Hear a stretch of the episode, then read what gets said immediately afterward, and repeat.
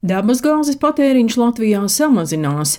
Lumināra bankas ekonomikas eksperts Pēters Strautiņš vērtē, ja kādreiz patērējām 30 gigawatstundas, pirms diviem gadiem 12, tad tagad dabasgāzes patēriņš sarucis zem 10 gigawattstundām. Tā kā gāze ir dārgs resurss un arī tāpēc, ka to virza klimata politika, tad um, gāzes katlu māju vietā būvē šķeldus katlu mājas. Gāzes patēriņu tur samazina, protams, ir siltināšana, gāzes aizvietošana ar granulām vai siltumsūkņiem. Ir arī kaut kāda pozitīva procesa no, no gāzes tirgotāja viedokļa. Tātad Latvijā būvē daudz uh, privātu māju. Privātu mājās gāze ir samērā ērts uh, enerģijas avots. Tas tirgus, protams, ir, bet viņš ir samērā neliels. Gāze ir galvenokārt lielo patērētāju tirgus, manuprāt, Latvijā nebija viens pats ir vairāk nekā puse.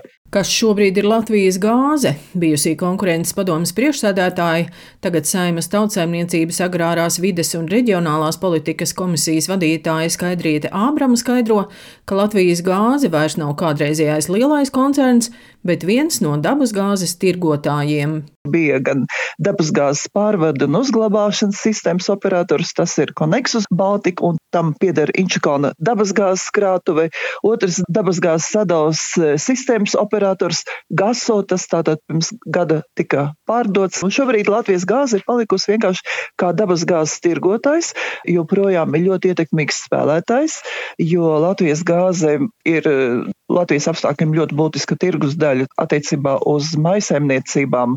Otra klientu grupa, kas ir komersanti. Tā kā Latvijas gāze ir spēlētājs ar ļoti jaudīgu tirgus daļu un ietekmi Baltijā, viens no lielākajiem dabasgāzes tirgotājiem. Saimnes deputāte Skaidrīte Ābrama vērtē, ka nākamajos gados Latvijas gāze acīm redzot meklējas jaunus ieguldītājus, jo uzņēmumam, kurā ir sankcionēti akcionāri, Eiropas Savienībā nevar būt nākotne. Protams, ka tā ir smaga situācija uzņēmumā. Divi no lielākajiem akcionāriem, kuriem ir 50%, patiesībā sakot, ir sankcionēti akcionāri. Jā. Viens no tiem ir Gazprom, kuram ir 34% akciju, otrs ir ITERA ar 16%, un visticamāk, ka tagad meklē iespēju kaut kādā veidā mainīt šo akcionāru struktūra, jo saprotu, ka ar sankcionētām personām ir droši vien ļoti grūti attīstīt tālāk biznesu, arī saņemt kaut kādas aizdevumus. Manuprāt, tas ir pirmais solis, ko šis enerģijas investment ir iecerējis, ja, lai pamazām pārņemtu visu šo kontrolu paketi un startētu tā kā no sankcijām brīvs uzņēmums. Uzņēmumam Latvijas gāze ir ļoti daudz mazie akcionāri, un to vidū ir arī valsts ar 117 akcijām, jeb 0,00029% uzņēmuma akciju. Ekonomikas ministrs Viktors Valainis stāsta, ka tādējādi arī ministrija seko līdzi tam, kas notiek uzņēmumā. Savulaik arī šīs niecīgais akciju daudzums tiks saglabāts, lai mēs būtu informēti par to, kas notiek šajā uzņēmumā. Un Šobrīd tieši caur šo akciju formātu mēs arī iegūstam šo informāciju. Šobrīd mēs redzam, ka viņš ir tirgotājs un šī sadalījuma infrastruktūra viņiem var izdalīt laukā.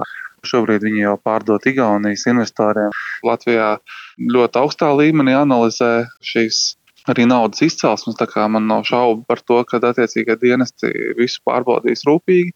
Man interesē, kā viņi redz attiecības ar šiem Krievijas investoriem, kas ir Gazprom akcijas turētāji. Ja, vai viņi plāno arī to izpirkt ārā? Tādu plašāku redzējumu. Es domāju, ka tuvākā laikā mēs viņu arī saņemsim. Latvijas gāzes akcionāru vidū bez Krievijas Gazprom un Itera Latvija ar 18,26% ir arī Vācijas kompānija Rūrgāz International. Daina Zalamane, Latvijas radio.